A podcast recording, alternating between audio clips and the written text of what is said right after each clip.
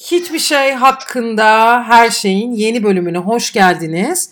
Bu bölümün konuğu sevgili Orkun Galolar. Kendisi İnkılap Kitap Evi'nin pazarlama müdürü.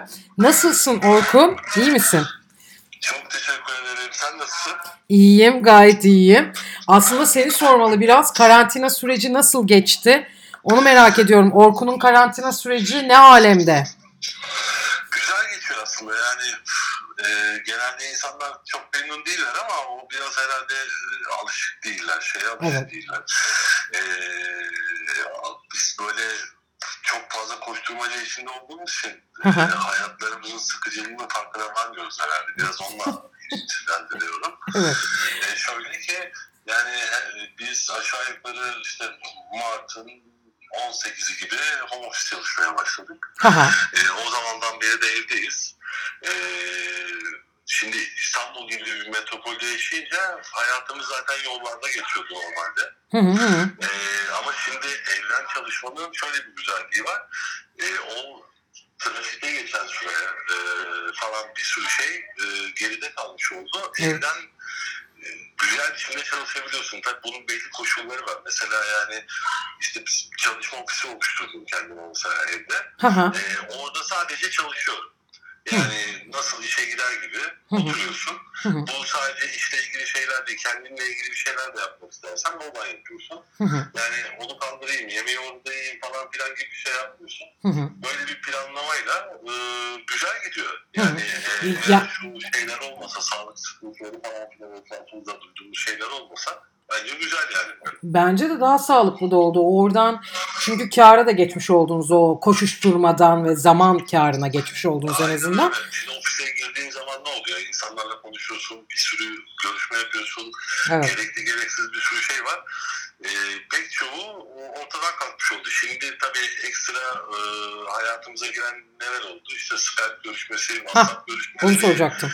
Evet, WhatsApp grupları çılgın gibi WhatsApp grubu enflasyonu var şu an. Evet. Yani Aynı şeyler dönüyor. normalde sanki çok da azlarmış gibi tam da bu süreçte şimdi bir kat daha böyle bir üç kat daha hatta arttı WhatsApp grupları. Doğru diyorsun. Çok güzel. şey yazmasan emoji gönderiyorsun. Bir şey atıyorsun. Hepimiz böyle acayip bir şeye dönüştük. evet hakikaten hiçbir şey yazmasan gerçekten bir emoji atıyorsun ya. Hani o da şey abi hani okuyup böyle "Cık, o kadar da değil şimdi ayıp olmasın hani ben bir şey diyeyim tabii ki falan gibi bir hisle de yapılıyor. Çok fena. Hayatı sorguluyorsun. Adam eğer senin gördüğün, gördüğünü görüyorsun mesela. Niye yazmadı? Alındı mı? Alınmadı mı? Eyvah. Böyle bir hale geldik çünkü. E, evet. Eskiden birebir yüz yüze konuşup temas ettiğinde duyguları anlayabiliyordu. Şimdi bir cama bakıyorsun yani otomatikman. Böyle bir hale geldik. Hepimiz çiçekler, kalpler, böcekler, sevgi pıtırcığı olduk yani. Tabii ki. O var. Bir de şeymiş galiba bak parantez aklıma şöyle bir şey geliyor hep bu meseleyle ilgili. Eskiden daha özgürmüşüz Orkun. Şimdi böyle o dijital şeydeki sorumluluk da daha fazla gibi oluyor. Her an ulaşılabilirlik olduğu için orada bir cevap verme sorumluluğu oluyor. Halbuki eskiden arardın veya aramazdın ve bu kadardı. Bundan ibaretti olay yani. Ya yaşımız ortaya çıkacak ama şimdi bak mesela eskiden şöyle bir şey vardı.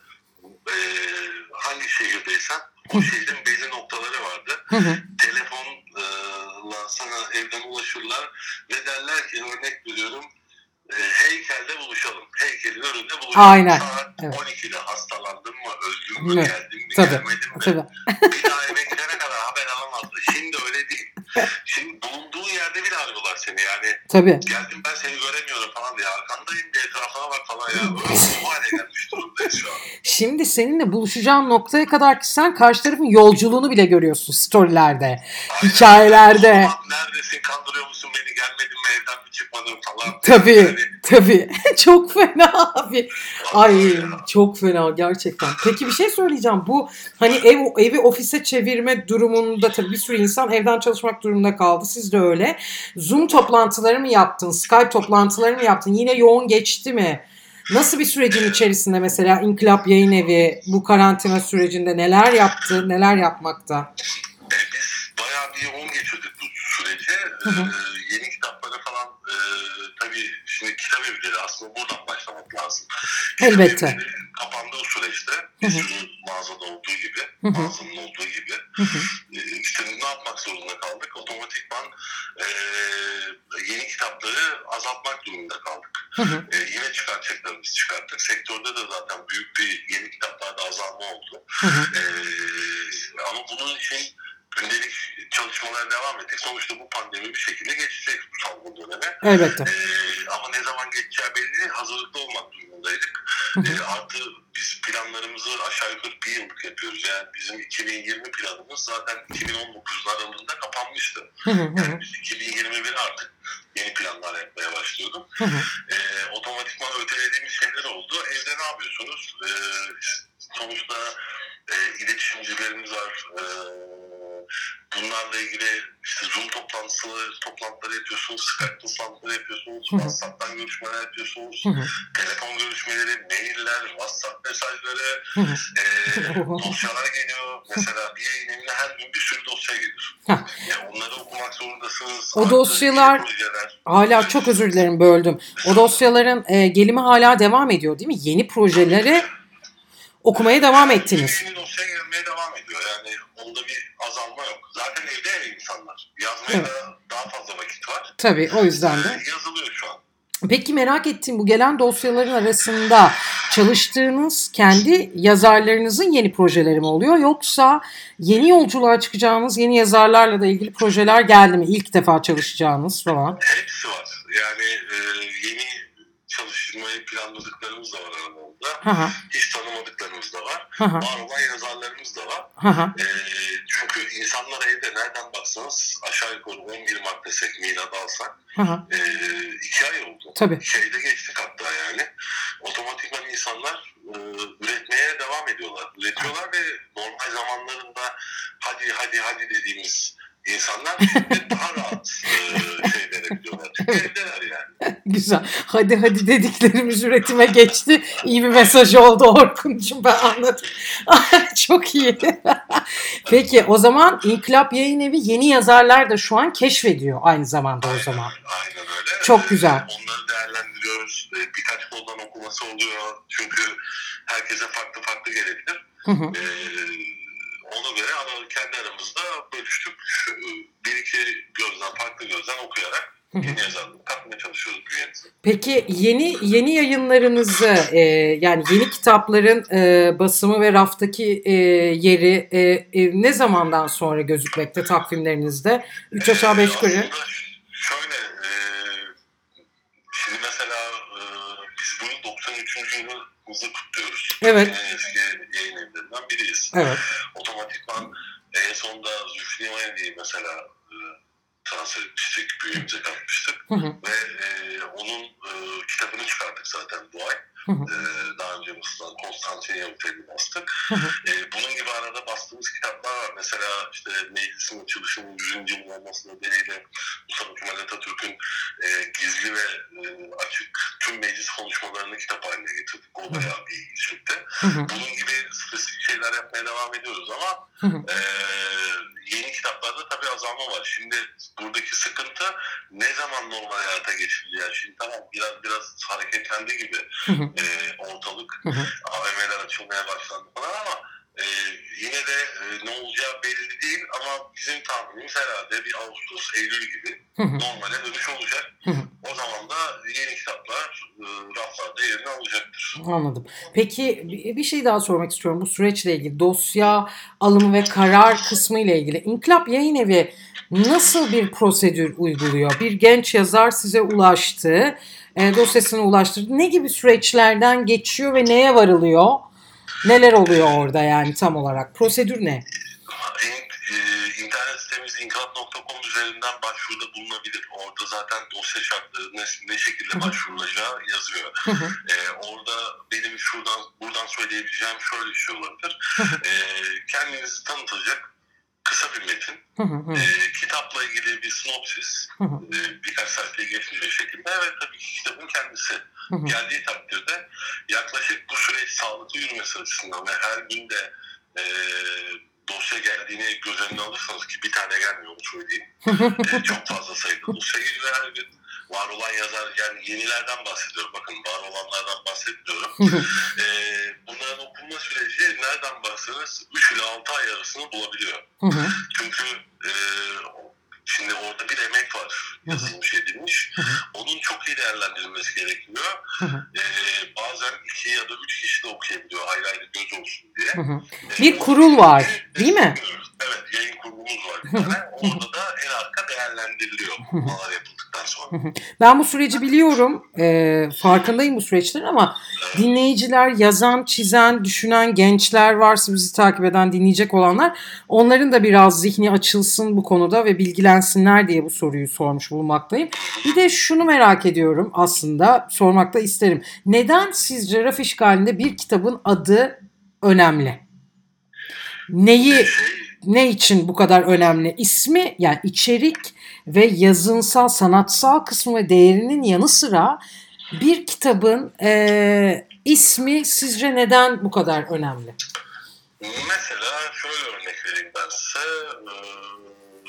Yani biz dinleyenlere. Hı hı, Yani 2018 yılında e, toplam Türkiye'de 67.135 adet kitap çıkartılmış. Hı hı. Yani çeşit olarak söylüyorum. hı hı. Yani adetten bahsetmiyorum. Çeşit. 67.035 çeşit kitap basılmış. Evet, 2018'de. 2019'da 68.554 adet yeni başlık üretilmiş mesela. Hı hı. Yani bunların arasında bir farkındalık yaratmak gerekiyor. Zaten kitap evlerine girdiğiniz zaman ya bu ne demek ayda 5800-5500 civarı kitap. Bunların içine hepsi giriyor. Eğitim kitapçılığı, ondan sonra dini kitaplar, Hı hı. kültür kitapları falan filan toplam olarak bunların hepsi e, gir, giriyor. O yüzden de e, bir farkındalık yaratmak gerekiyor.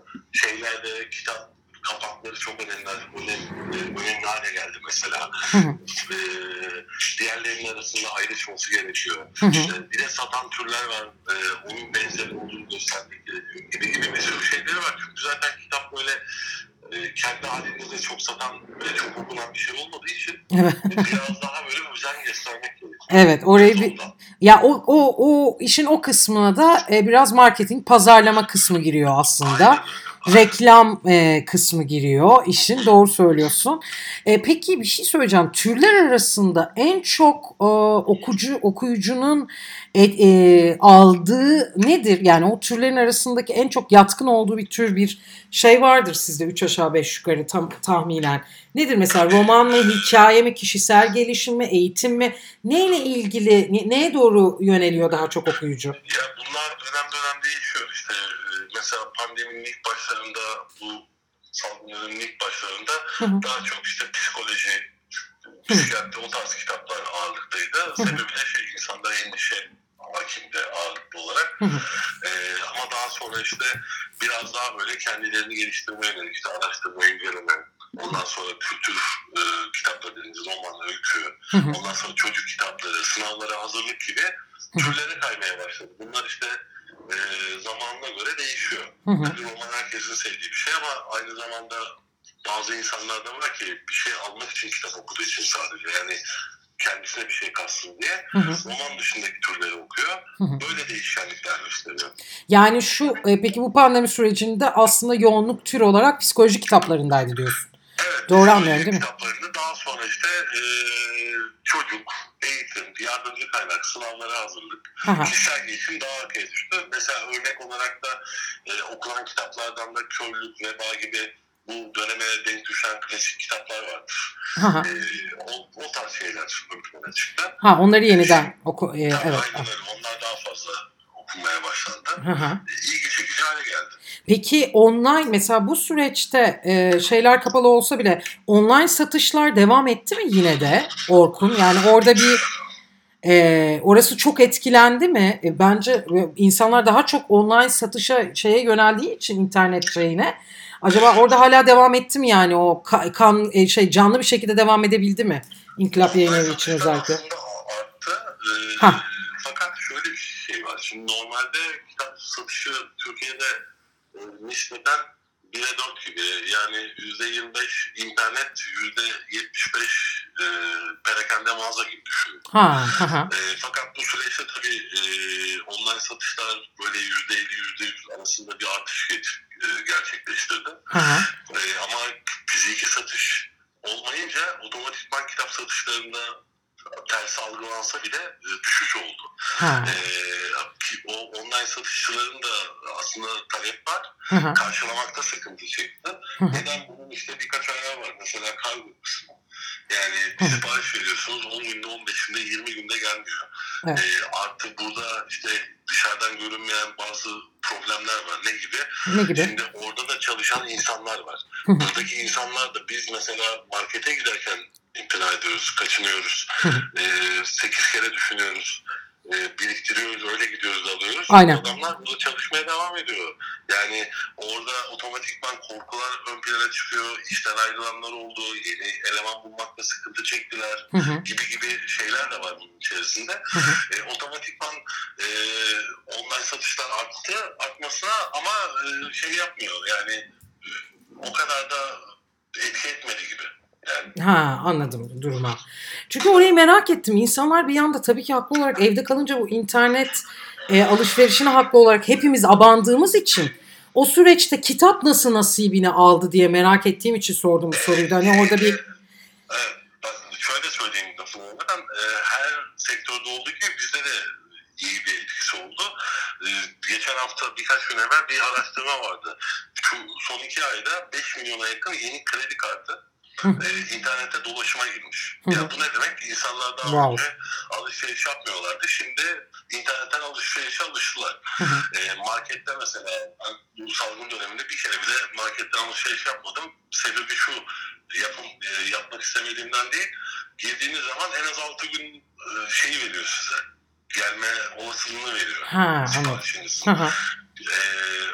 Onlar da olmadığı takdirde normal bir seyirde yani şu dönemi geçtikten sonra ve onlar da normal akışına geçtiğinde Hı hı. insanlar alışkanlık olarak e, bu internetten daha fazla alışveriş yapacaklar. Online durum e, güzel bir hale gelecek gibi gözüküyor. Evet aslında bu olayla orası biraz bir e, hareketlendi. 5 milyon çok büyük bir rakam. Bu arada söylediğin şey yani. Yeni kredi kartının dolaşıma girmesi inanılmaz. Yani 3 milyon Mart ayında 2 milyon da e, Nisan ayında diyor okudum. Wow.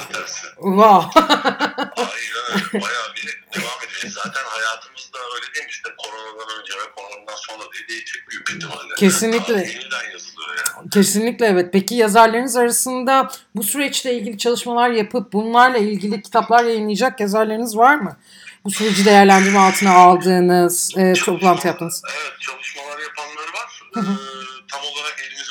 ulaşmadığı için bir şey, şimdi bir şey söyleyemiyorum. Tamam tabii ki. Ee, mesela buradan okuyuculara da bir müjde verelim senin dinleyenlere. Senin kitabın da gelecek Emiz Hanım'la birlikte. Oley! Hayırlı olması dileğiyle. Oley! Güzel öyküler, severek, bayılarak okuduğumuz öyküler. Ay çok Herkes teşekkür sevecek. Ay harika. Ben de İnkılap ailesine e, yeni katıldım. Çok da mutluyum. Orkun'la gayet iyi anlaştık. Önemin sayesinde yollarımız kes kesişti. Çok mutluyum ben de. Gurur duyuyorum İnkılap ailesine girmekten. Ben Ay inşallah ben de böyle bir şey yaşadık ama ben çok mutluyum çünkü en hayırlı zamanda olur her zaman her şey. Ben hep ona inanmışımdır. Onun için hiç şüphem yok bununla ilgili. Peki Orkun Galolara şimdi bütün bu yayın, satış, kitap durumunun dışında bir soru soracağım. Herkese soruyorum. O yüzden Orkun Galolara da soracağım. Orkun Galolar mutfakta en iyi yemek ne yapar? Var mı bir tarifi? Mutfakla arası nasıl? Tarif vereceğim ama tarif vermeden önce herkese şeyi önereyim. Mesela ben yıllar önce keşfettim. Hı hı. Menemen dediğimiz şey beyaz peynirle çok güzel oluyormuş. Onu bir akıllarında tutmalarını tavsiye ederim. Ah, evet. Evet. Tarif olarak da mesela e, tepside böyle domatesleri alıyorsunuz. Evet. Tepsinin altına Hı hı. kabuklarını soyduktan sonra Böyle halka şeklinde koyup üzerlerine köfte, e, biber ve ne kadar sebze varsa ben sebzeyle arası çok iyi olan bir insan olmadığım için bunların üzerine de e, tereyağı, zeytinyağı gibi şeyler koyup fırına verdiğimiz zaman yüksek ısıda Üf. e, birbirine geçmiş sebzelerle harika bir şey oluyor. Onu tavsiye ederim. Üf daha sen neyi tavsiye edeceğim bitirdin beni. Evet, Orkun Galolardan dolu dolu hem sağlıklı hem de leziz bir tarif aldık. ya çok teşekkür ederim bu yayına, e, bu, bu programa katıldığın için, bizi bilgilendirdiğin için çok teşekkür ederim. Ben İyi, çok teşekkür iyi ki varsın. Allah kolaylık versin aynı zamanda. Öpüyorum çok. Bay bay. Bay bay. Önümüzdeki programda görüşmek üzere. Hiçbir şey hakkında her şeyde. Kendinize çok iyi bakıyorsunuz ve dinlemede kalıyorsunuz. İlerleyen programlarda daha e, oyuncuların, yönetmenlerin yanı sıra farklı meslek gruplarından arkadaşlarla da sohbet etmeye devam edeceğim. Bence e, bu yolculuk gitgide daha güzel, daha neşeli bir hale doğru gidiyor. O yüzden sizleri çok çok öpüyorum. Efendim sağlıcakla kalın, hoşça kalın.